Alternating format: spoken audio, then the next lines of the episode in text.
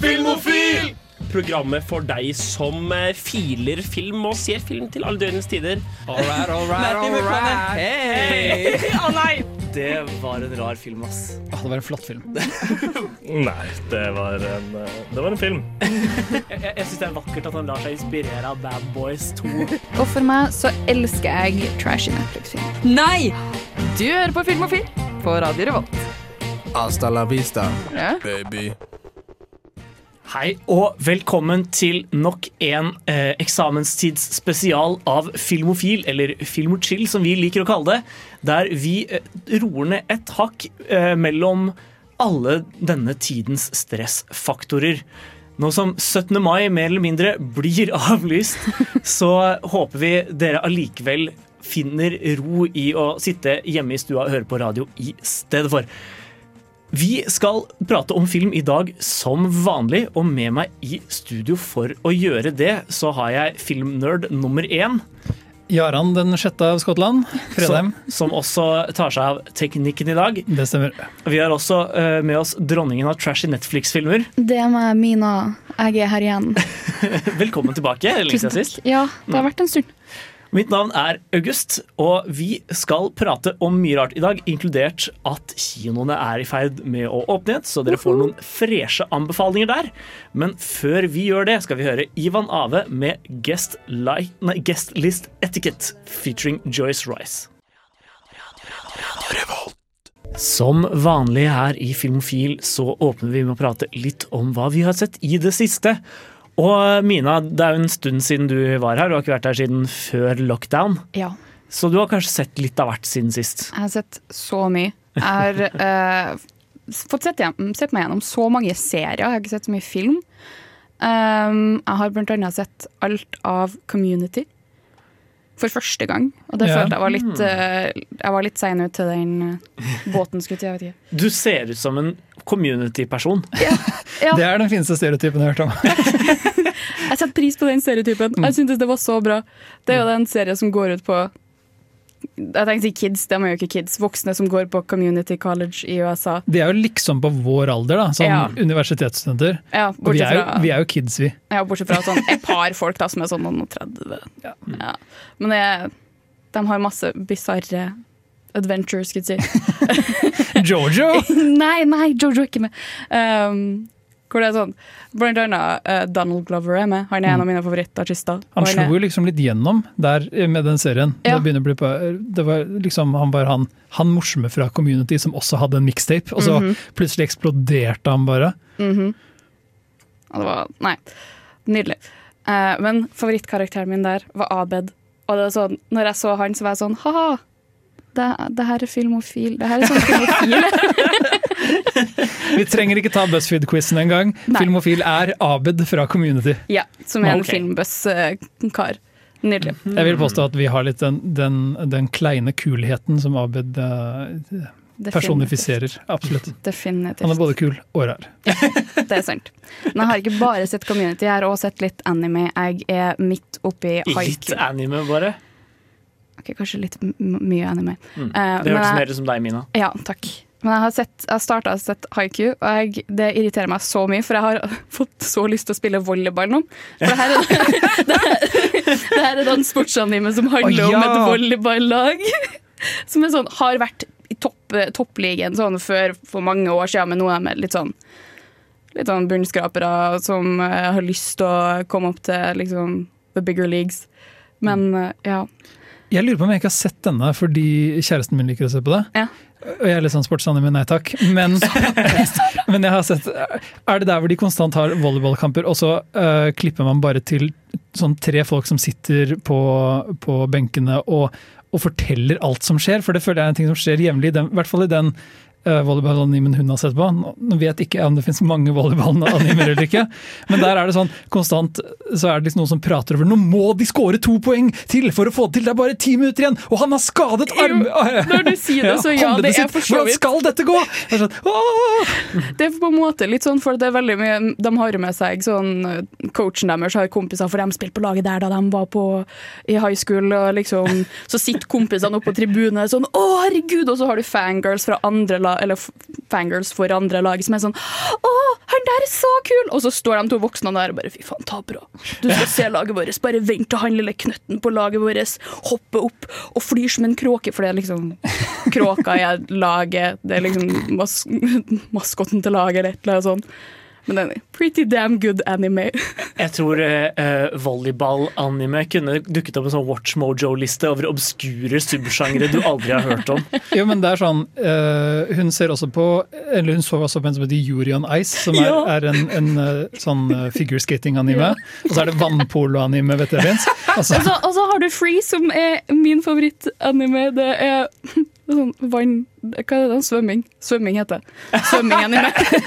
Sånn vann sånn, sånn greide dere i Når du vannet. beveger deg i Hvor du Ja. Arma foran hodet Ja.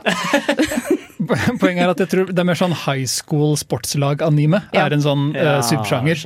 Men de sub subsjangerne har fått flere japanske ungdom in investert i sport. Blant uh, Haiku fikk så mange kids investert i volleyball. Så bra for japansk Ja. ungdom. Gymlærere vet å bruke anime. Nå skal vi uh, snart høre hva vi andre har sett siden sist, men først, skal vi, først det skal vi høre Hockney med 'Pictures'. Hi, it's Tony DeCino here, writer and director of The Furies, and you are listening to Film O Phil. Der fikk dere altså Hockney med 'Pictures'. Og eh, nå er det din tur, Jaran, til å fortelle om hva du har sett siden forrige gang vi var på lufta. Det stemmer. Jeg eh, har eh, gått litt gjennom Netflix eh, fordi jeg er på en Ingmar Bergman-binge.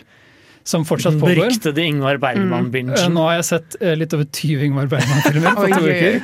Eh, Den siste jeg så var 'Tystnaden', som er helt fantastisk. Og en av mine favoritter så langt. Oh, ja, jeg var ikke så fan av tystnaden, jeg. Anbefaler den kjempesterkt, i hvert fall, personlig. Men det er ikke det jeg vil prate om nå. For det, det, fordi det jeg så her forrige uke, for å liksom få et avbrekk i en Bergman-film, sånn og annet, var 'Anakonda' fra 1997. Eh, Ja. Eh, Den er ute på Netflix nå, og jeg vil anbefale alle å sette av litt tid til å se 'Anakonda', fordi den er helt vidunderlig dårlig. Uh, den er et sånn et øyeblikk på 90-tallet hvor du kunne ha Jennifer Lopez, Owen Wilson og Ice Cube som hovedrollen i castet ditt. Ja. Det var et veldig snevert tidsvindu hvor det gikk an. Ja, men, men det er noe med hvor 90-tallet den er, blandet med det at den er en slags sånn uh, monsterskrekkfilm som prøver å selge seg selv til PG-13-markedet. Uh, så den skal liksom være skummel, men den kan ikke ha for mye blod og vold og nakenhet. Men alle de bitene skal på en måte være der. Og så er det også det, den perioden i Hollywood hvor uh, Jurassic Park hadde liksom gjort de store CGI-blockbusterne til en ting. Så man hadde liksom litt den ambisjonen for den type filmer. da. Så de blander Ja. de, de, de, de, Historien er jo om et dokumentarcrew som skal inn i Amazonas-jungelen, og så møter de en diger anakonda. Og så prøver Hvorfor anakonda- har de med Ice Cube i dokumentarteamet sitt? han er, Det er det han er en filmstudent som, som har uh, erfaring med å filme dokumentarer, så han er kameramannen. Oh, ja. okay. ok. Owen Wilson er lydmannen. Oi. Jennifer Lopez er regissøren. Og så har de Eric Stoltz, faktisk, som uh, Amazonas-ekspert. Han er måte oppdageren som skal være på kamera. Og så har de en, en annen sånn voiceover-fyr som er sånn postkolonistisk brite, britisk mann som er sånn superstuffy og spiller golf på båten på elva, liksom, fordi han er så, han er så fin på det og hater at han ikke kan dusje. og Hvor er whiskyen min? Og vi hører på opera, mens Ice Cube bare hører på rapp. Han er sånn Skru av det drøvlet! Altså, altså, men det beste eh, greia er at du kan ikke ha en anakonda som skurk hele veien, så John Voight dukker også opp her. Hollywood-institusjonen John Voight, og han er det som gjør filmen helt fantastisk. Han spiller Altså, han, han spiser hele filmen opp. Han er så hammy, han er så campy. Han, han er så sleazy i den rollen som en fyr som angivelig skal være fra Paraguay og jakter på kjempeanakondaer. Og han er på en måte villig til å gjøre hva som helst med sin uh, bisarre aksent for å og han er villig til å ofre alle menneskelivene på denne båten for å fange den største anakondaen menneske, menneskene noensinne har sett. Og presentasjonen hans setter på en måte tonen for hele filmen. Og det du får er at du får en slags sånn, en film med ambisjonene til Jurassic Park.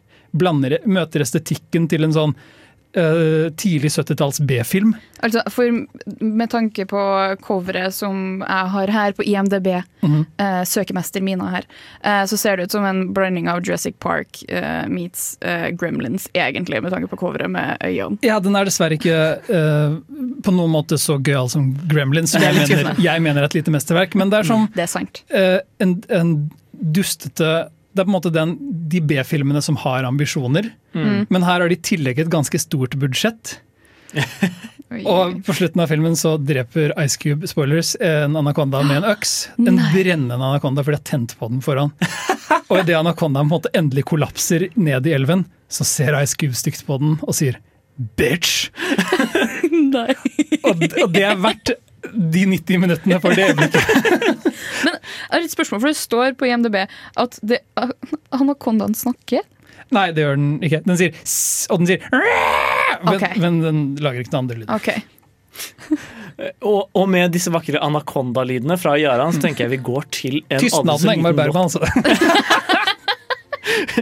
Ja, vi skal høre Carly Simon med 'Nobody Does It Better'. Der fikk dere altså litt eh, James Bond-soundtrack her denne torsdagskvelden. Vi eh, har, eller Jeg har også sett filmer siden sist. eh, For eh, jeg snek meg med på en eh, filmkveld hos deg, Gøran. Ja, de, de pågår fortsatt. De, det er noe som skjer jevnlig for tida. Eh, og eh, vi, vi satt liksom utpå kvelden og var hva, hva skal vi se på? Eh, og alle landa på liksom at nei, vi vil ha noe lett. Og Gøran eh, kommer inn og sier OK, nå har jeg tatt en sjefsavgjørelse. Vi skal se Samurai Cop. Oi, oi, oi. Og jeg tror dette er en film du har større kjærlighet for enn meg, Gøran. Jeg uh, forelsket meg i Samurai Cop for kanskje fire år siden. Mm. Da den først kom på radaren min som en sånn So Good It's Bad-film. Så bad it's good-film, kanskje? kanskje. Nei, So Good It's Bad. Ja, ok. Nei, det er helt riktig. Jeg hadde, jeg hadde, måtte, en, jeg hadde en, uh, en periode hvor det var sånn Jeg liker jo Troll 2, jeg elsker jo Troll 2, Mm. og The Room er ganske artig. Hva mer kan jeg se? Og så var Samurai Cop ganske sånn Se denne! Dette, dette er en film laget av en utlending som ønsker å lage amerikanske actionfilmer, men ikke er kompetent eller har budsjettet til å gjøre det. Og det er akkurat det Samurai Cop leverer på, så til de Mm. grader. Og så føler jeg, for meg kommer veldig stor kjærlighet Premisset er at en eh, fyr har blitt eh, en fyr som tydeligvis er samurai. Han, han, er, opp, han er politimann, men han er også opplært i samuraiens bushido-koder. Ja. Eh, han er i hvert fall overført fra San Diego til LA for å bekjempe The Katana Gang. Oi, oi, oi. Som importerer eh, dop.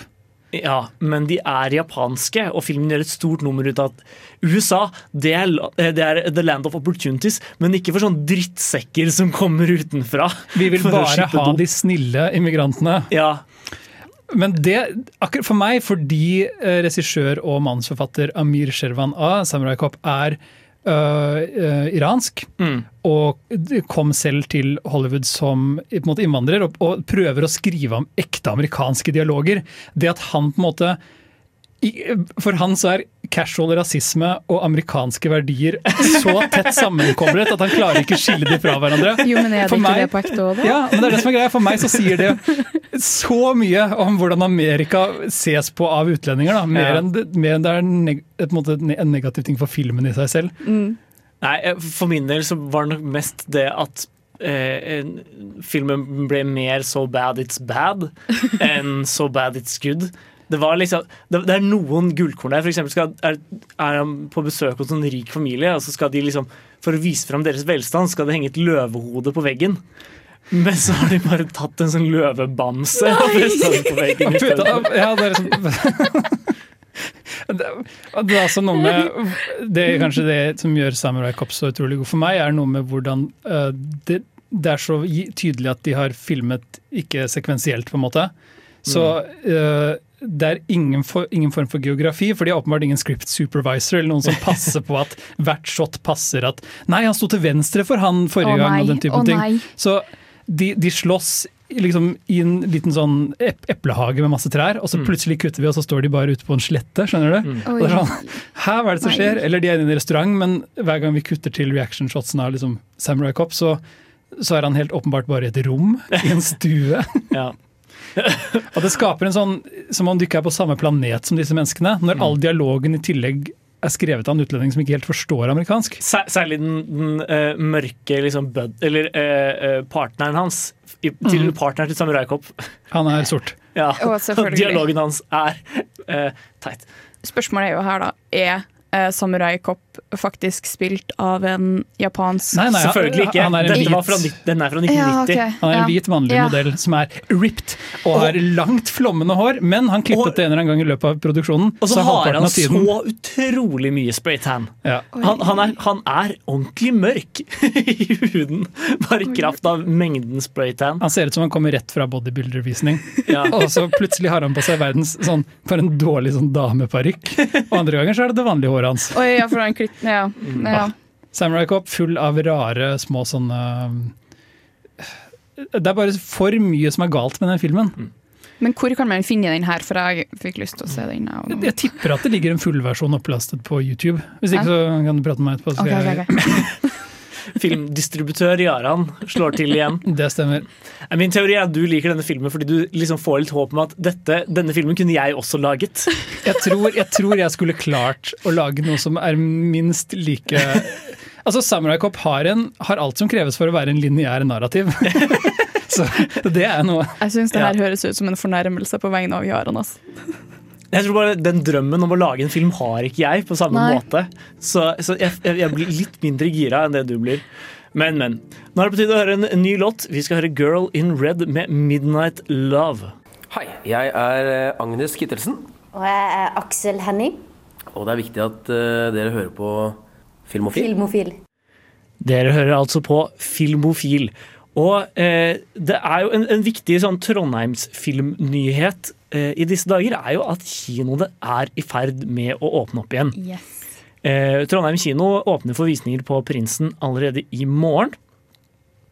Og Cinemateket har allerede åpnet. Så tenker Vi kan begynne med Trondheim kino. Hva burde den engasjerte kinogjenger gå på i, eh, i morgen eller i løpet av helga? Jaran. Forrige uke så hadde vi jo besøk av kinosjefen her i Trondheim, så det går an å høre det intervjuet. Han anbefalte jo bl.a. å se 1917. Og jeg er enig med på en måte hans vurdering om at det er en film du bør se på storskjerm. Den har nok mest å gi der. Ja. Selv så gleder jeg meg veldig til The Invisible Man, som jeg tror jeg allerede har nevnt. Den kommer i hvert fall jeg til å gå og se.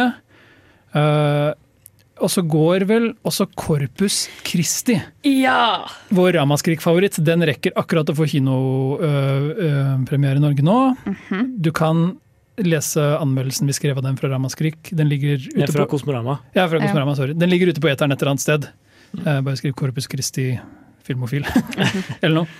Uh, alle disse er i hvert fall kjempegode, og er filmer jeg vet går på kino akkurat nå.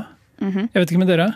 Uh, jeg har ennå ikke sett Frost 2. Eh, så den og Fremad er filmer jeg har lyst til å se, men jeg vil bare anbefale at alle sammen drar og ser Corpus Christi, for den var så jævla bra. Men går Frost 2 fortsatt? Ja. Når kom, kom ikke den ut i, i fjor? Jo, men eh, jeg tror det er på grunn av eh, mengden ting man kan se nå er såpass eh, lite Disney, ass! Disney, ass! Ja. Jeg skal heller ikke undervurdere hvor langt liv den typen barnefilmer eller store Ja. barnefilmer kan ha på kino. Ja. Fordi eh, familiepublikummet er så innbringende. Ja. Det er liksom sånn, altså jeg, jeg har jo vært den eneste på visninger, liksom, men hvis det først kommer én familie, så er det i hvert fall fire personer som dukker opp. Det er veldig sant. Eh, så, så det er en del sånne familiefilmer, særlig oppfølgere, som kan ende med å gå veldig veldig lenge. da. Ja, men også Parasitt, Parasitt faktisk Parasite og Little Women går fortsatt også på kino, Ja. som jeg tror For er gode filmer. Parasite går fortsatt på kino. Ja. Den går i farger. Men hvis du går ja, For du så den jo første gang i svart-hvitt Ja. på eh, Kosmorama. Hvis du går på Cinemateket, så viser de den i sort-hvitt. Eh, Så man har mulighet til å se den både i farger og sort-hvitt nå her i Trondheim. I hvert fall en liten periode. Mm. Det blir veldig spennende. Yes. Ehm, skal vi bare snakke litt mer dyptgående om Corpus Christi, siden det er på en måte den tydeligste anbefalingen vi har? Ja. Ja, det vil jeg påstå. Vi hadde jo veldig veldig, veldig stor glede av å se den på Kosmorama da den gikk der i, eh, i vår. Det var liksom ment som en sånn førpremiere, nærmest, når den skulle ha kino, eh, eller få kinodistribusjon ganske kort tid etterpå, og så ble det plutselig utsatt et par måneder. Um, men det er, en, det er en vanvittig god film om en polsk ungdomskriminell. eh, Han, ja. han har liksom levd litt på kanten, drepte vel en fyr i et slagsmål, Ja. og nå har han sittet i fengsel en stund og skal ut prøve, prøveløslates. Mm. Og så kommer han til en liten Eller så har han blitt frelst i, i fengselet. Han har blitt dypt kristen og har egentlig lyst til å bli prest, men ingen eh, sånn presteutdanninger tar inn kriminelle. Så han må på en måte Eller så, han må på en måte legge den drømmen litt fra seg. Men når han kommer til den landsbyen hvor han skal jobbe på et sagverk Mm. som sånn del av prøveløslatelsen sin, så går han inn i den lokale kirka. Og så blir han dømt for å være en som skal jobbe for sagverket med en gang. Og så blir han litt sånn lei og er litt sånn Nei, vet du hva, jeg er prest. Mm. Og så er jo jenta sånn Wait, what? Hæ, serr, er du prest? Men da kan du jo få møte pastoren. Ja, så plutselig så blir han tatt med inn til pastoren, og så eh, får han losji der. Og det viser at han har et lite alkoholproblem, så han må ta en liten pause. Så de spør om han kan være prestevikar i byen en periode. Og så viser det seg at den byen har vært gjennom en ganske betydelig tragedie i forkant. Så han begynner å jobbe som prest da, i denne kirka og nøste opp i den tragedien samtidig. Og det hele blir et sånt veldig, veldig sårt portrett av det å på en måte skulle få en sjanse til, da. Eh, fortalt på liksom to måter, både fra denne lille byen og den tragedien sitt ståsted, men også fra hovedpersonens ståsted. Ja. Sårt, ja, men også morsomt. Den er, den er overraskende mye humor. Den, den er veldig Ja. god på å skifte mellom de øyeblikkene hvor du sitter litt sånn au, å, til å være nesten satirisk. For det er, det er noe med hvordan på en måte, denne småbyen hvor alle de sånn høy, høybårne kristne de er så smålige og, og de behandler den tragedien på helt feil måte. Og så begynner han å bruke fengselsterapi for å på en måte hjelpe de helbrede sine traumer. og, og så er det også noe med sånn um, Det er et helt flott øyeblikk der hvor han og ordføreren de er på vei ut til det sagbruket, hvor ordføreren sånn Kan ikke du velsigne den nye fløyen? Det ser bra ut for meg som ordfører.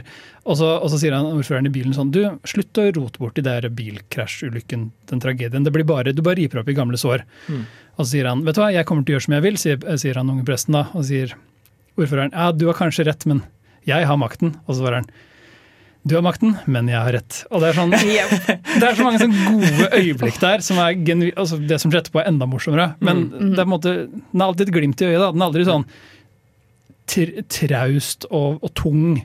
Du kan virkelig den, den, Du springer gjennom alle disse tragiske bitene. Ja, den er, den er på en måte på helt motpol av Beanpole, som var en annen film vi så. Som var veldig tragisk, men den hadde liksom ikke den, Jeg følte den prøvde å være litt morsom til tider, men klarte ikke. Nei, det er noe med øh, såkalte toneskifter. ikke sant? Mhm. Det å kunne gå fra ja, det å være, på en måte både få deg til å føle for karakterene og le av situasjonen de er i. Yes. Og det, det krever veldig godt manus, uh, som denne filmen er, og også utrolig godt skuespill. yes. Og jeg vir jeg virkelig elsket han som spilte hovedrollen i Han var nydelig. Nydelig film. Eh, så gå og se Corpus Christi, rett og slett. Det er en utrolig, utrolig sterk film. Eh, men før du gjør det, syns jeg du skal bli her og høre på Wu-Tang Clan med Fast Shadows. Hei, jeg heter Stig Frode Henriksen. Hei, jeg heter Sahid Ali. Hei, jeg heter Evy Kassett Rusten. Hei, jeg heter Alexandra Europek-Nilsen. Og du hører på Filmofil! Jeg eh, har allerede rukket å ta meg en liten tur på kino jeg, etter at eh, den første kinoen i Trondheim åpnet igjen etter lockdown. MVP. Men- Var du der i dag, da? Nei, jeg var der i går. Eh, De hadde, eh, Cinemateket hadde sine første visninger i går. Og jeg benyttet anledningen til å dra på en film ved navn The Souvenir. Som jeg for så vidt kan anbefale. Det er en film som eh, er laget av en britisk kvinnelig regissør ved navn Joanna Hogg. Og den er sånn, det er en delvis selvbiografisk fortelling om hvordan hun i sine tidlige 20 år eh, endte opp med å være i et romantisk forhold med en eh, fyr som var heroinavhengig. Så møter, Filmen åpner på en måte med at hun drar på en fest og møter en litt sånn eldre, litt eksotisk fyr som, med, eller som begynner å ta henne med på kunstutstillinger og, viser seg, eller, og virker veldig sånn eh, Virker han sjelfull? virker veldig sånn eh, interessant og intellektuell. Ehm, og på et tidspunkt så sier han bare sånn Hei, du, kan jeg flytte hos deg noen dager? Det er noe jobbgreier, jeg trenger et sted å bo i sentralt i London. Kan jeg, kan jeg bare bo hos deg en, en liten stund? og så blir det på en måte til at han flytter inn, og at de to eh, ender opp i et slags forhold. Og etter hvert så oppdager hun på en måte at ok, men han her driver også med heroin. Og det er så veldig mot hennes stil, da. Um, Hatter det. Det er så uhipt, det der heroingreiene. men sant, Hvis hun også hadde vært av de som eh, stort, var på fest hele tida, men hun er sånn skikkelig uskyldig og søt jente Mm. um, Og ja, filmen blir en slags sånn um, Den blir en slags, en slags meditasjon over hva det forholdet gjorde med livet hennes. da. Ja, så det er, ikke, Mm. det er ikke en historie om hvordan hun også på en måte blir heroinavhengig. Nei, det er det ikke. Det er jo fint for henne. Hun er jo tross alt en velfungerende filmskaper i dag. Nei, det handler mer om på en måte en trøblete start på 20-åra og et vanskelig første, første ordentlige forhold. da. Ja. Um, og eh, apropos Tilda Swinton, som vi nevnte i stad. eh, nei, det var Vi- kanskje vi, vi pratet om det vi under pratet låta, vi. Tilda Swinton under eh, forrige låt. Eh, hun spiller eh, moren til jenta, eh, Ja. og jenta spilles av Tilda Swintons datter. Såpass, ja. Mm. Så det er mor og datter på skjermen sammen. Det, oh. Det, det, så lenge begge to er dyktige, så er det liksom noe som Mm. gir en ekstra dybde, føler jeg. da. Man må passe seg litt for sånn nepotisme kan plutselig føre til at sønnen til en eller annen, eller datteren til noen plutselig er en rolle. så er den, sånn, Uff, det skulle ikke vært her. ja, Er eh, datteren til Tilda Swinton god? Hun er OK. Det er, altså, det er en debutrolle til ei jente i tidlig 20-åra. Ja. Um, og, og manuset gir henne på en måte ikke så mye å spille på, for hun skal være så utrolig sjenert. Mm. Så jeg tror kanskje det eller, Og filmen er veldig sånn Den gir oss ikke så veldig mye innpass i hennes følelsesliv heller. Den er ganske kjølig i både uttrykk og fil. Um, så forholdet mellom de to er på en måte veldig underspilt hele veien. Så det er litt vanskelig for meg å si sånn hun er en fantastisk skuespiller, for hun har på en måte ikke så mye å spille på. da Hun skal være veldig kald. Ja, men det er jo mange filmer som har en god på en måte, et god, Gjør et godt portrett skulle jeg, av det å være sjenert og på en måte det å være For eksempel hvis du tenker på The Perks of Being a Wallflower. uh, Men The Perks of Being a Wallflower er veldig varm i uttrykket sitt. det er sant. Uh, dette, er, dette er en film som er bevisst kjølig da, Ja. i alle sine aspekter. Ja, men å Eh. ikke suge i skuespillerdebuten din, det er sånn Da har du lagt grunnlaget for noe som forhåpentligvis bare kan gå oppover. Ja, Det det, var ikke sånn at jeg satt der og var skikkelig irritert på at hun spilte dårlig. Nei, for av og til så Men jeg du visste jo ikke at det var Tilda Swinton sin datter heller før, jeg, før jeg leste om filmen i ettertid. Så jeg kan egentlig anbefale alle å sjekke ut The Souvenir. Den har et par visninger til. Um, Den vises, tenker jeg vi kanskje kan eh, ja, du kan, Når var det den vistes? eh, den vistes på onsdag når du så den, og så Mm. vises den neste onsdag og neste fredag. Og så er det òg visning av Casablanca. ja. Jeg tenker Vi kan snakke litt mer om kinotilbudet til Cinemateket etter at vi har hørt Louis Bacalov og Rocky med Django. Vi, eh, snak, eller vi skal fortsatt diskutere litt eh, det tilbudet som Cinemateket i Trondheim tilbyr nå om dagen, for de åpna igjen her i går. Og de har egentlig bare interessante filmer på lager framover. Det, er jo, det, det fine med Cinemateket er jo at de, har, eh, de tjener en slags funksjon både med å bringe fram ferskvarer som man kanskje vanligvis ikke får sett på de store norske kinoene. Du prater om The Souvenir som kom ut i fjor. Ja, Den hadde internasjonal premiere i fjor, men dette blir norgespremieren dens. da. Ja, ikke sant? Men det er sånn, å, Du kan se nyere filmer der, men du har også mulighet til å se opp i en del klassikere av ulike grunner. da, og jeg synes De har vært ganske gode på å programmere. Det var egentlig ganske mye kult som skulle blitt vist i år, som dessverre har utgått. Ja. Mm. Uh, Akira blant annet skulle de vise på nytt. Ja. Og Tenebre til Dario Argento. Og masse sånn gøyale klassikere. da, Gjerne litt sånn semi-obskure. Mm. Men nå skal de annet vise en film som jeg gleder meg, eller har hatt veldig lyst til å se. Som jeg mest sannsynlig kommer til å sjekke ut på Cinemateket. Vi pratet litt om det nå under låta. Og det er uh, Pasolinis Matteus-evangeliet, eller Yes. The Gospel According to uh, Matthew. Matthews. Mm, Eh, som er, det er på en måte en slags Det det er en gjenfortelling av uh, Jesu liv og lidelse, bare at han er sånn marxist-rebell.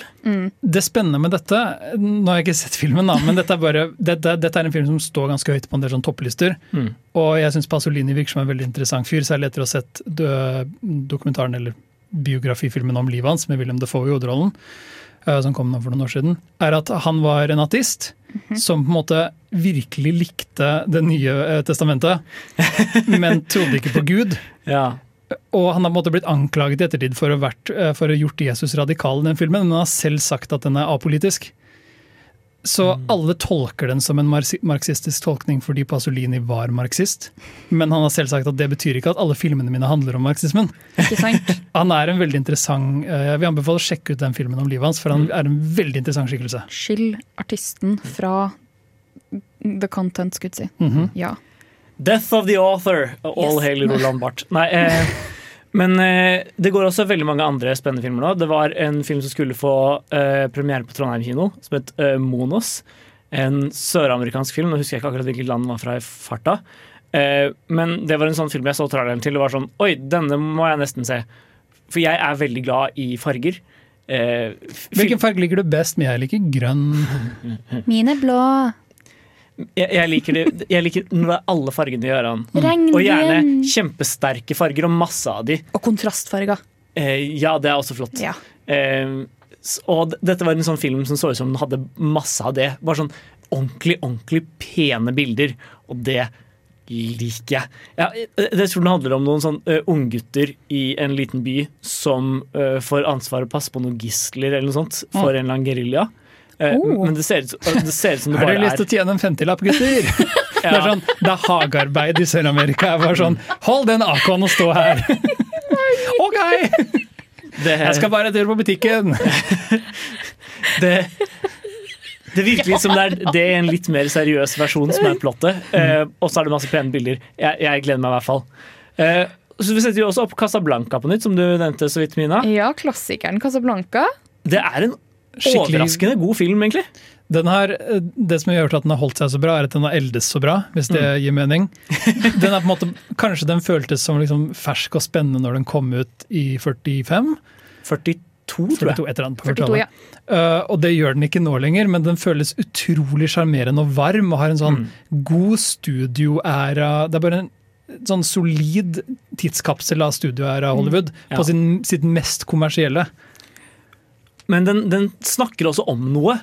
Det er den settingen i Casablanca under andre verdenskrig gir den på en måte mye mer ballast enn en god del andre Hollywood-filmer fra samme æra har. da. Jo, men det at den var laget som så sent på 40-tallet, Ja. som er den Hollywood goes to war-perioden til Hollywood, hvor de var så Ja. stolte av at de endelig, etter å ha liksom nektet å lage filmer om jødiske karakterer i ti år for ikke å gjøre Hitler sinna, Ja. endelig tok et ståsted mot, mot Det tredje riket. Det er sånn Det, det, det syns ikke de skal ha for mye skryt for det.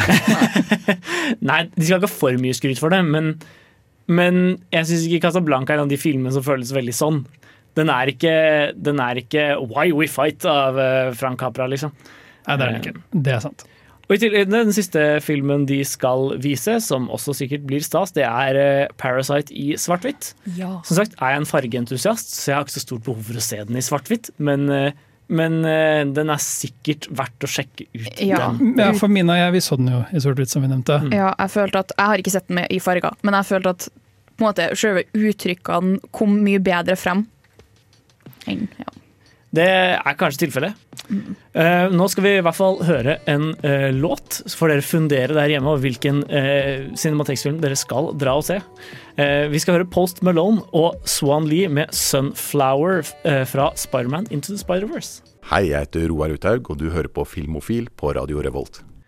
Du hører på Filmofil, og vi skal nå prate litt om sånn godfilmer. Fordi det er en litt sånn tung tid for mange, dette. Vi har både Avlyst 17. mai. lockdown på gang.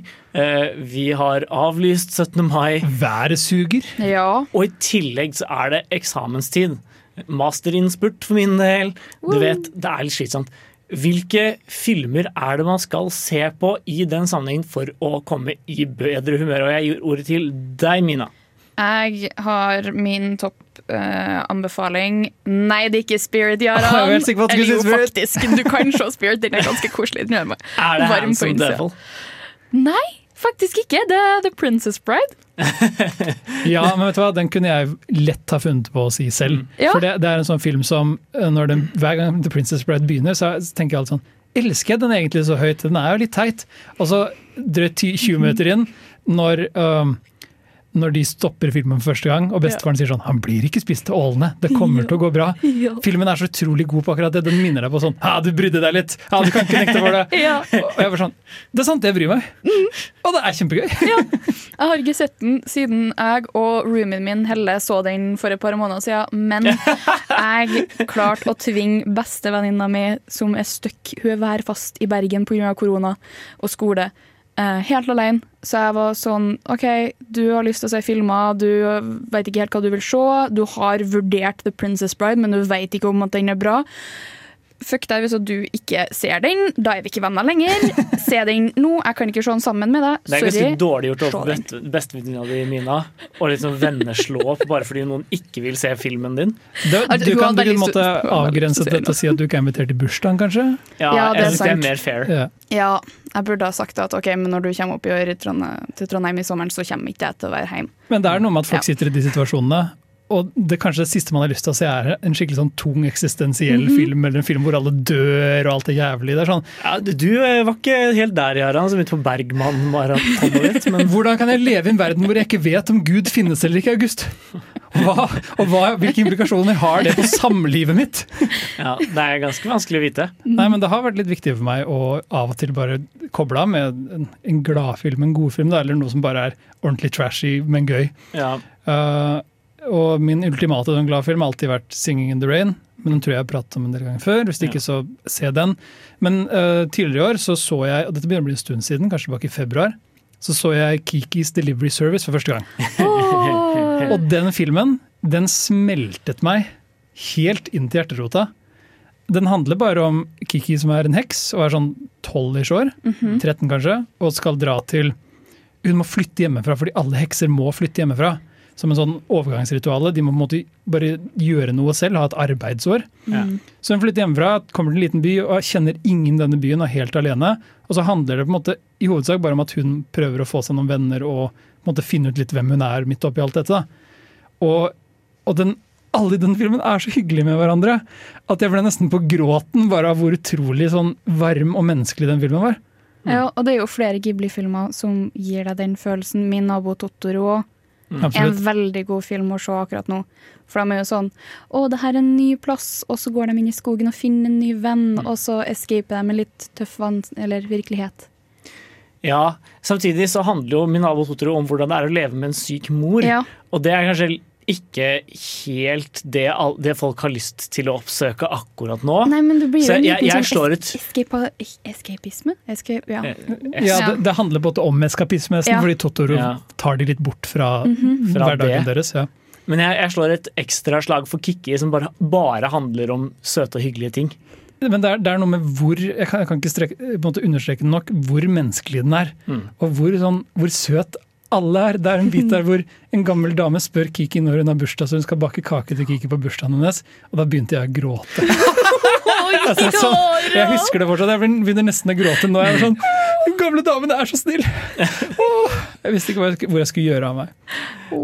Det er i hvert fall to gode filmanbefalinger for deg som sitter og lurer på hvordan du skal få opp humøret i disse litt mørke tider. Nå skal vi høre en ny låt her på Radio Revolt. Vi skal høre Curtis Mayfield med 'Superfly'. Der fikk dere altså Curtis Mayfield med Superfly, etterfulgt av Bryan Adams med 'Get Off My Back' fra Spirit. Ja. Beste låta i filmen. Ditt favoritt-soundtrack noensinne, Mina? Riktig. Nå eh, tenkte vi, eller I stad diskuterte vi de beste filmene å se på i karantenetider for å komme i bedre humør. Eh, men vi tenkte nå vi skulle ta en kjapp gjennomgang av noen skikkelig dårlige filmer å se i disse tider. Og jeg tenker jeg begynner, for jeg har en film som jeg må fraråde litt. Og det er 'Buried'. Jeg vet ikke om dere har hørt om den filmen? Ja, Er det den med Ryan. Reynolds? Hvor han er begravet under bakken? Ja. Premisset for filmen er Ryan Reynolds er, eller han er, eh, jobber for noe sånn eh, lastebilfirma i Irak. Mm. Eller Afghanistan, jeg husker ikke. Det er i hvert fall i en krigs, aktiv krigssone. da. Og så har han blitt kidnappet og våkner opp i en kiste med kun en mobiltelefon og eh, et bitte lite lys. Eh, nei. og på en måte målet er å bli redda.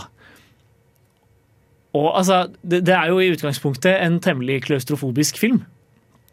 Og det skal den ha. Den klarer å holde på spenningen din gjennom egentlig hele filmen. Men det som skjer mens han ligger ned i den kista, er jo på en måte at ting bare går dårligere og dårligere og dårligere. Eh, liksom, det viser seg at han ikke får forsikring, og kona tror han er ute eller, Er det, er, det, er det dette som skjer? jo, det, det er på en måte et plott, eller en del av plottet. At, at det viser seg at mens han ligger nedi der, så, vis, så får, får familien beskjed om at de ikke får forsikring. Eh, og, og kona tror han har vært utro, og det er liksom sånn Alt går dårlig med han. Eh, og, og, det, det, Og han er helt maktesløs nede den Ja. siste. Hvor, han- hvor en sånn Nei, hør på meg! Du må komme og grave meg opp! Sånn, Hvem er den hora du prater med?! ja, ja, ikke- Hvor jeg hører i bakgrunnen! det, er, det, er liksom, det er sånn filmen for, går for seg. Og det er, det, er liksom, det, det, går, det går bare nedover og nedover med denne karakteren, og i tillegg så er den kjempeklaustrofobisk. Jeg tror ikke det er, liksom, tror ikke det er noe du burde sjekke ut nå. Jeg håpet virkelig, jeg har hørt om denne filmen, Mm. sen, men, men jeg visste ikke at det var et annet plott involvert som handlet om familien hans. Jeg håpet Nei. på en måte bare det handlet om en fyr ned i en kiste. For det er sånn, hvordan skal du få det til å vare i over 60 minutter? Jo, men Du følger bare han. Så får han det på tekstmelding. Eller hva? Nei, Han snakker på telefonen med forskjellige folk, og det er liksom det som skjer. Så han har batteri på mobilen så lenge. Og det er det er ingen som det, og, Du har ikke luft så veldig lenge når du ligger nede i kiste. Nei, spesielt ikke når du har med deg en, sånn cirka en spillefilmlengde. Ja, det er sant. Det er for så vidt sant. men, for, men, for, men liksom spiller han litt Snake? Og, Nei, da, hele filmen det er egentlig bare han som ringer. Han som er fanget i en kiste og ringer til nye folk for å finne ut noe nytt som har gått gærent i rest, eller i, i, rundt hele situasjonen. Så det er det han gjør istedenfor å være sånn Hei, jeg er i Irak, gravlagt en eller annen plass. Uh, hjelp meg? Ja, det, det er det han gjør først. Oh, ja. Og så okay. Og så sier de sånn Ja, det er veldig spennende, men nå skal dere få forsikringen vår. Ja. Nei, men det, er, det er nye folk som ringer han hele tiden. da På et tidspunkt så er det sånn eh, ja, ja, hallo, eller Han prøver å få kontakt med kona, får ikke kontakt med kona, og så plutselig er det noen som ringer, og han er sånn Ja, hei. Og så er det sånn Ja, hei, dette er forsikringsselskap- forsikringsselskapet. Ko- Det, det blir Oi, folk forsikring, du. Eh, og det, det er liksom det er, det er sånn hele filmen går for seg. Det er, det er, bare, det er bare trist. Og hvorfor er den her ille å se i perioden her? Jo, fordi at det her er relevant for oss som er innestengt i sardinboksene, som er leilighetene våre. Og ikke ha forsikring. Ja. Og ringer til folk, og er det bare sånn Å nei, nå går det enda verre andre steder. ja. Men det vi slipper liksom, nå da, i den perioden, er som regel at ingen er redd for at du er utro. Ja. Det er. Forhåpentligvis. Nå skal vi høre en eh, låt som man ikke kommer i dårlig humør av. Derimot, vi skal høre Daft Punk med The Resd her på Radio Revolt. Hi, this is Brian Usen. I'm the producer of Reanimator and the director of Society, and I'm with the Filmophile people, and uh, we're all having a great time. Ja, vi har det supert. Det er ikke bare Brian Justna som har det. Eh, før dere hørte han eh, eh, si at vi hadde det bra, så fikk dere Daft Punks The Resd fra Tron Legacy. Den dårlige filmen med det beste soundtracket. Ja. Eh, før det igjen så diskuterte vi filmen Buried, og hvorfor den er så dårlig å se eh, i disse koronatider. Men er den dårlig generelt? Den er overraskende bra til å være filmet 100% nedi en kiste. Det liker jeg å Eh, høre. Da skal jeg sjekke den ut. Ja, den er, den er på en måte verdt å se. Den bare, bare Kanskje ikke akkurat nå. Um, men i hvert fall, Ryan Reynolds er jo den eneste rollen i den eh, filmen. Han er den eneste karen. Han er den eneste mannen Ja. i mitt liv. Mm. Ja. Eh, i, den sammenheng tenkte vi vi skulle diskutere kjapt hvilken Ryan Reynolds-karakter har du mest slash minst lyst til å være stuck med. Og Vi kan begynne med deg, eh, Mina. Uh, jeg er en sucker for Deadpool, uh, så jeg hadde både sikkert elska og hata å være stuck med Deadpool, men jeg hadde Jeg tror ikke jeg hadde lidd noe nød av å være stuck med den uh, Ryan Reynoldsen. Altså. Ville du vært stuck med Deadpool før eller etter han på en måte blir Deadpool? Fordi i, I starten så er han på en måte bare uh, Wade Wilson. Ja. Uh, også, men hvis du skal være stuck, kanskje du ville vært stuck med han i det laboratoriet hvor han blir torturert? At du også kan være stuck der? Kinky? Ja. Mm. Nei, etter. Etter. Men, er, men det betyr jo at du per definisjon må leve i et fiksjonsunivers, da. Ja, hadde det vært så ille i situasjonen vi er i nå? Eh, jeg vet ikke om det vet, De færreste som er med Deadpool i det fiksjonsuniverset, kommer så veldig godt ut av det. Jo! Men Jo, du men har det jo gøy så lenge, imens, da. Så lenge du er morsom, så kommer Ja! du godt ut av det. Så du, Exactly. du er morsom i det. Å, takk. Jeg tror du snakka om at uh, Wade Wilson var morsom, men å, takk. Syns egentlig ikke det. Å, OK. okay. Jeg, jeg ville i hvert fall ikke vært stuck med han i på en måte dårlig, uh, dårlig Deadpool-versjon. Nei, det er Ja, vært, før eh, pre I, uh, i X-Men Origins Wolverine, Ja. hvor han har eh, sammensydd munn og Ja. ikke er morsom. Det er den beste tolkninga av Deadpool noensinne laget. Nå skal jeg bruke ti minutter på å fortelle dere hvorfor. Nei, jeg skal ikke. Det, er- det er i hvert fall ikke en karakter eh, som virker så veldig sjarmerende å henge med Ja. generelt. Nei, og verste, verste Reynolds å være stuck med, Green Lantern. Ja, han, Tragisk. han var i den, ja. Men er det bare fordi filmen er dårlig, eller er han Ja, jeg synes, han er jo den beste med i hele filmen, men jeg syns så synd på han at Jeg unner han ikke den æren, skulle jeg si. Den siste Ryan Reynolds-filmen jeg så, tror jeg må ha vært Detektiv Pikachu. Mm. Og der er jo han faktisk stuck inni Pikachu, per def. Ja. Så eh, jeg tror ikke jeg hadde hatt lyst til å dele en Pikachu med Ryan Reynolds. Men jeg kunne vært stuck med Ryan Reynolds som Pikachu. Ja. Ja, at- ja, at han er din snakkende Pikachu? Ja, Mm, jeg tror det kunne vært hyggelig. Nei takk, det fordrer jo også at du lever i et fiksjonsunivers hvor Pokémon finnes. Så det er, det, blir, det er for mange logikkbrister i det universet. til at For jeg mange orket å bo slitsomme der. implikasjoner av det. Vi overser faktisk den verste Ryan Reynolds å være stuck med. The Amityville uh, Horror Ryan Reynolds. Er han faren i den filmen? Ja. Er han ikke bare faren der? Jo, men han er jo psycho. Ja, men Er ikke det bare fordi huset er hjemsøkt? Jo, men da er du jo stuck med den psycho-versjonen, for det er jo psycho-versjonen han spiller mesteparten av filmen. Ja, det Du er jo ikke stuck med faren til Eller Human Detective Pikachu, skal jeg si. Den verste Ryan Reynolds å være stuck med, er ekte Ryan Reynolds. Tror du det? Nei, jeg tror ikke Han, det. han har jo eget gin-merke. Det hadde vært sykt koselig å bare henge Ja. med Ryan Reynolds og drikke gin. Oi da. Det, det kunne jeg likt, i hvert fall. Nå skal vi høre en låt, nemlig Childish Gambino med Bonfire, etterfulgt av Tom York og Flea med Daily Battles. Der fikk dere altså Tom York og Flea med Daily Battles. Og nå er det jo snart 17. mai her i Norge, Hurra! så vi tenkte vi skulle ta en kjapp diskusjon rundt hvilke filmer som gjør oss mest patriotiske. Og vi kan begynne med deg, Mina, for jeg tror du føler sterkest på dette temaet. Altså, det er jo masse filmer du kan se for å føle deg patriotisk. Du kan jo se uh, krigsfilmer som Max Manus og Kongens nei, Flukten over grensen og alt sånn. Eller så kan du se filmer som Natt til 17., Hjelp, vi er russ og sånne filmer som kanskje er litt mer Hjelp, vi er russ? Ja, Hjelp, vi er russ. Det er tydeligvis en Jeg film. aldri. Å ja, oh, nei, du har ikke sett den? Nei, sånn, Hva handler den om? Den handler om Markus og Robert som endelig er ved målet. Tolv års skolegang er nesten over, og de har lært og alt de har lært, skal skylles bort med en russetid som ingen har opplevd maken til. Det hørtes skikkelig kjedelig ut. Eh, Uff da. Ok. Men hvilke filmer er det du faktisk blir patriotisk av når du ser? Uh, nei, jeg tulla jo med Max Mann Nei, med De Velle, da, uh, i stad. Uh, men det var en spøk. Det må jeg bare go on record og si. Eh, nei, Det er jo ikke patriotisk så mye som Nei, fascistisk. Ja, ja. Nei, jeg syns Max Manus er en veldig fin eh, film. Jeg tror nok Den filmen som kanskje gjør meg mest patriotisk, er Flåklypa Grand Prix. Ja, der tok du den jeg Så skulle si det! Der! Ja, Den gjør meg mest nasjonalromantisk. ja, for det fanger litt sånn den norske folkesjela på et eller annet vis. Jeg vil, jeg vil kalle den det, det beste portrettet av den norske folkesjela. Det er, Norske folkesjela på sitt beste. det er noe med hvor joviale alle er. Mm. Bortsett fra Blåstrupmoen, så er det ingen som mener vondt i den filmen. Mm. Og Blåstrupmoen er på en måte så tydelig uh, korrupert av uh, ambisjon, skjønner du? Mm.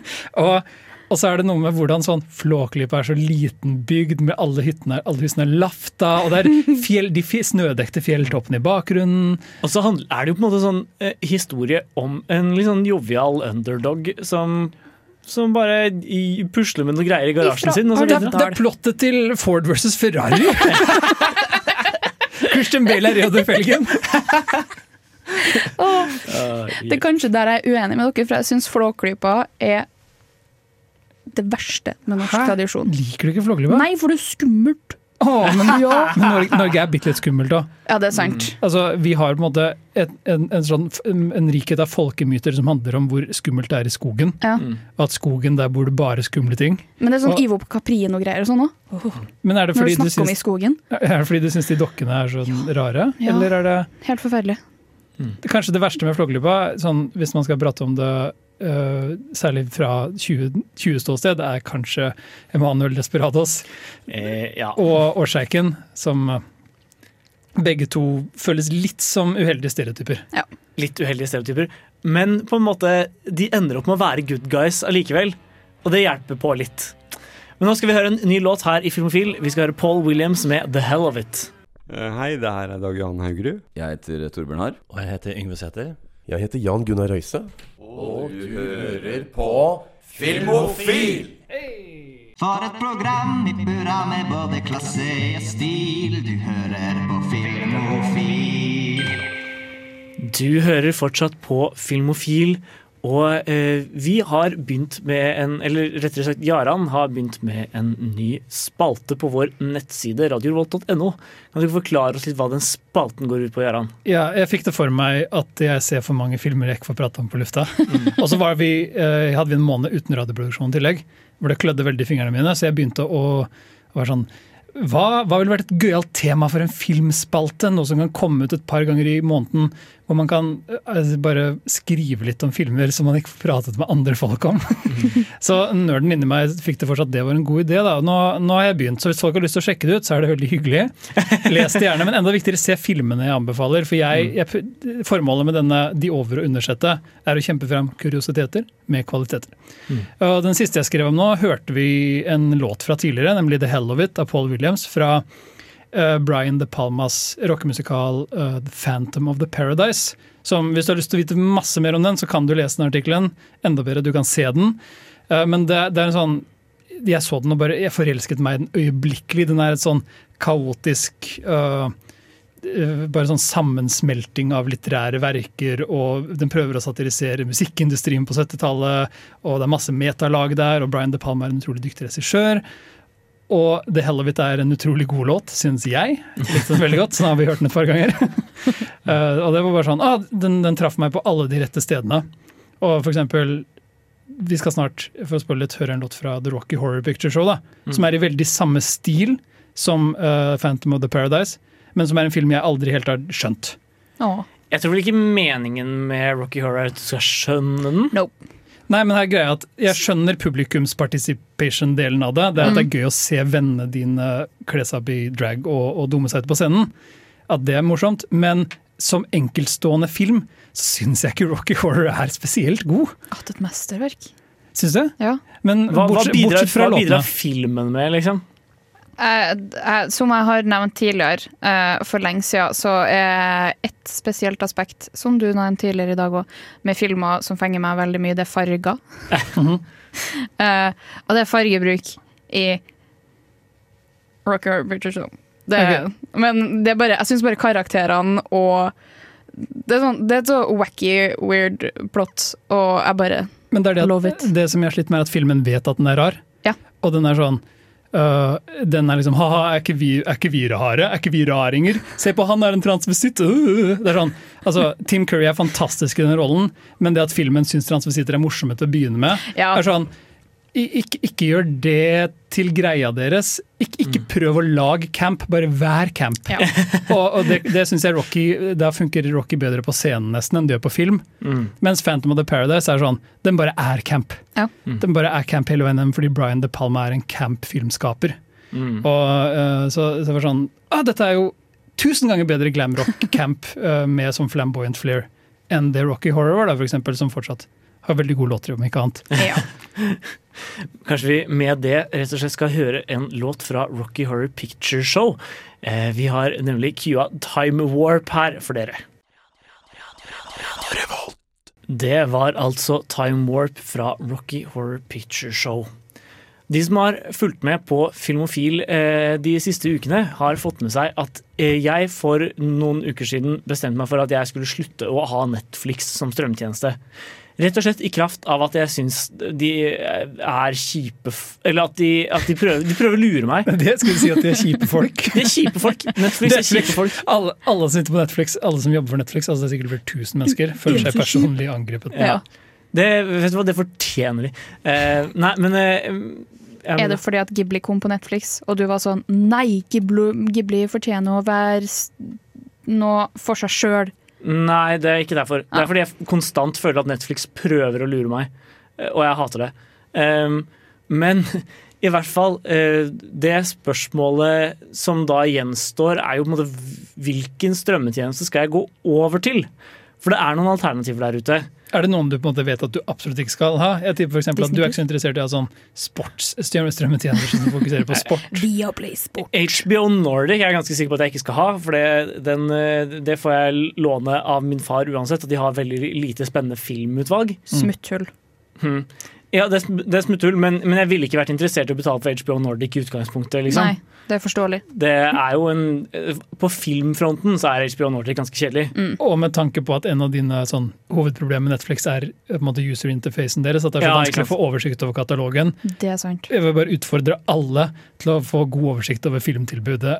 Og alt som ikke er på en måte de seriene de fronter på HBO Nordic. Jo, men, men det som går an på HBO Nordic, er å finne en liste over alle filmer og så bla gjennom hele. For den Oi. er ikke så lang som den er på Netflix. Jo, men så kommer det til en bolk som er sånn 60 standup-spesialer. Ja, Og så er det, og så det er- sånn- det er skikkelig dårlig. Er det sånn, Det er skikkelig dårlig, ikke, men jeg det er har- ikke sortert noen ting som gir mening. Men snakker Jeg har brukt mye mindre innsats HBO. på å få oversikt Ja, over er HBO enn jeg har brukt over å få oversikt på Netflix, bare i kraft av at utvalget på HBO er mye mindre.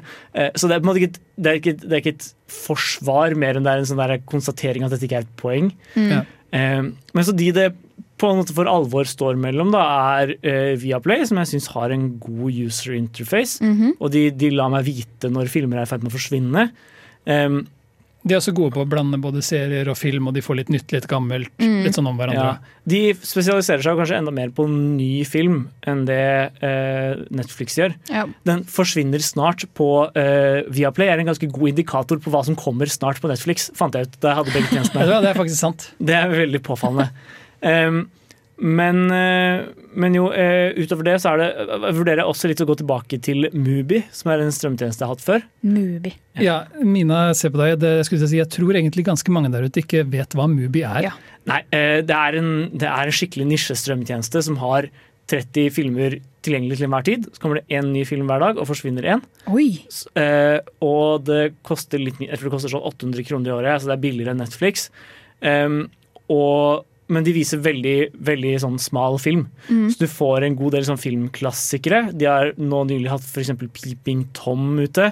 Men også sånn nyere nisjefilm. Antigone, som ble vist på Ja, eh. Kosmorama, skal, fikk nå nylig premiere der, faktisk. Se for deg Mubi som en, måte, en, en kontinuerlig filmfestival. Ja. Ja, som, det det de som programmeres for deg. Ja. Mm. Em, Og til tider er de ganske gode utvalg, har jeg forstått, men jeg har aldri hatt det. Nei, Tidvis er det veldig bra, og, men plutselig har du et par måneder hvor det ikke egentlig skjer noe spennende. Så det er liksom, den, den, den har stor variasjon i hvor interessant jeg syns den er. Ja, altså- Men akkurat nå er det ganske mye spennende der. Ja.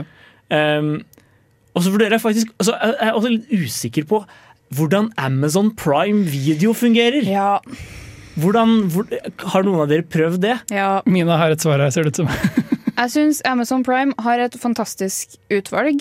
eh, Men hvordan til funker det? tider. Er det sånn at jeg blir Amazon Prime-medlem, og så får jeg Amazon Prime Video for sånn litt ekstra i måneden? Eller hvordan Nei, jeg, hvis jeg husker rett, så fikk jeg eh, For jeg laga meg Prime Video um, for å se en film for engelsk når jeg studerte. Mm. Um, og da hadde jeg en Amazon-account fra før av, og så bare var det sånn oh, Jeg betaler ikke på den, men jeg betaler på Prime Video.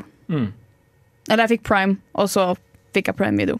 Ja, Men- jeg, tror det jeg tror du kan på en måte få Prime Video innbakt i Prime, men Ja, Og så får du òg en gratis, eh, gratis eh, Twitch-subscribe-greie hver måned. Det er òg kult hvis at man er into that. Men problemet jeg har med både Viaplay og eh, Amazon Prime Video, er det at enkelte filmer sånn må du betale for. Og da er det sånn, ok, men da kunne jeg like så godt bare dratt og kjøpt den.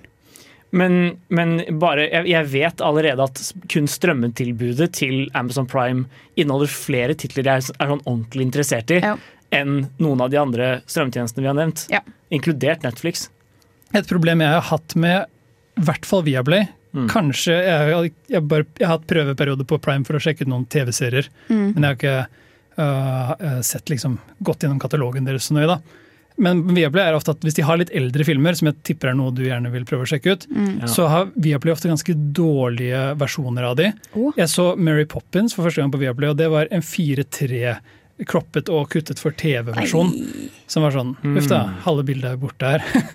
Eh, så da ga jeg opp det prosjektet. Og så Mary Poppins på en annen måte. Men, og, men det har jeg også fått inntrykk av at eh, Amazon Prime til tider kan ha, for de bare har på en måte den mest tilgjengelige versjonen av filmen Mm. lastet opp. Så det kan Ja. være en lavoppløselig øh, kabel-TV-kutt av en film. på en måte. Risikerer du fort, da.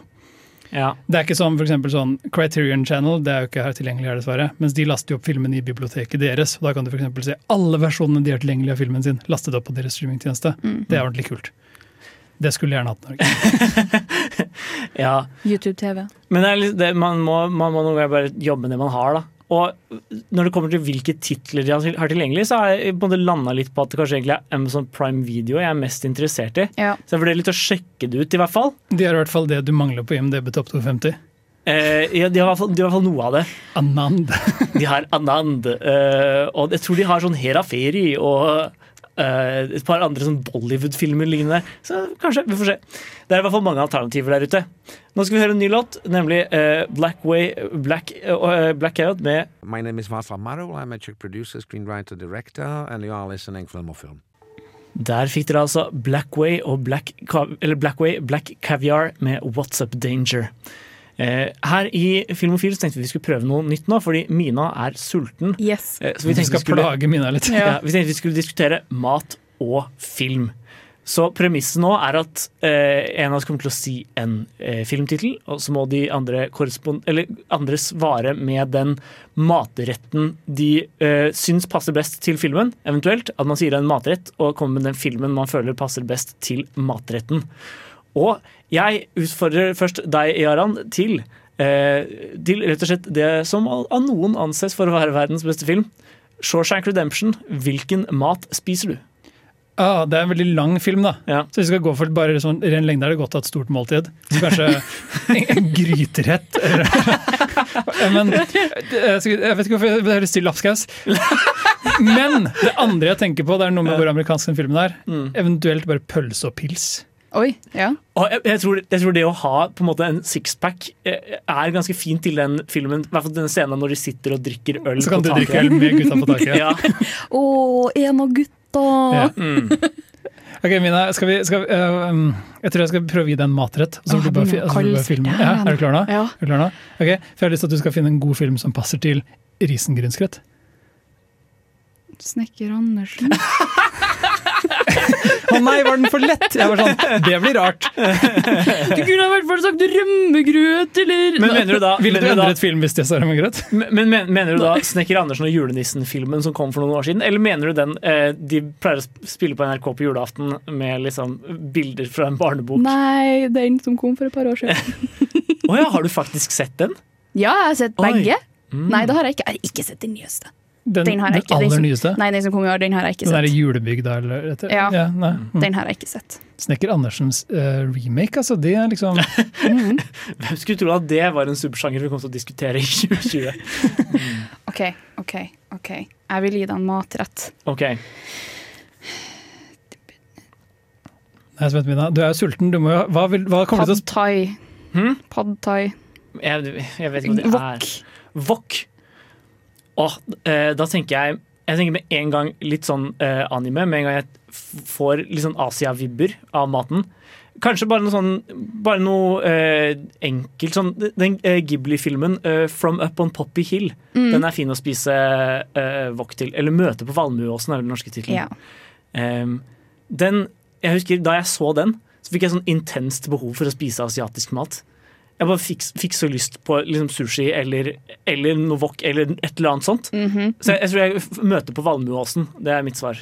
Ghibli-filmer er jo sånn kjempegode på animert matporno. Eh, ja. de er så gode på det. Spirit to the way. Mm. Men det, det- Spirited Away har skikkelig sånn ekkel bismak fordi de blir til griser. Jo. Ja. Jeg, jeg syns det var så skummelt jeg som barn. Men jeg, jeg, jeg syns det fortsatt er skummelt. Jeg. Jeg tenker, hvis, hvis dere har hatt mukbang noen gang, føler dere ikke som noen griser da?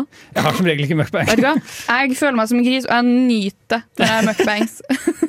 Ja, ja, ja. Nå skal vi høre en ny låt, eh, og så håper vi Mina får i seg noe mat snart.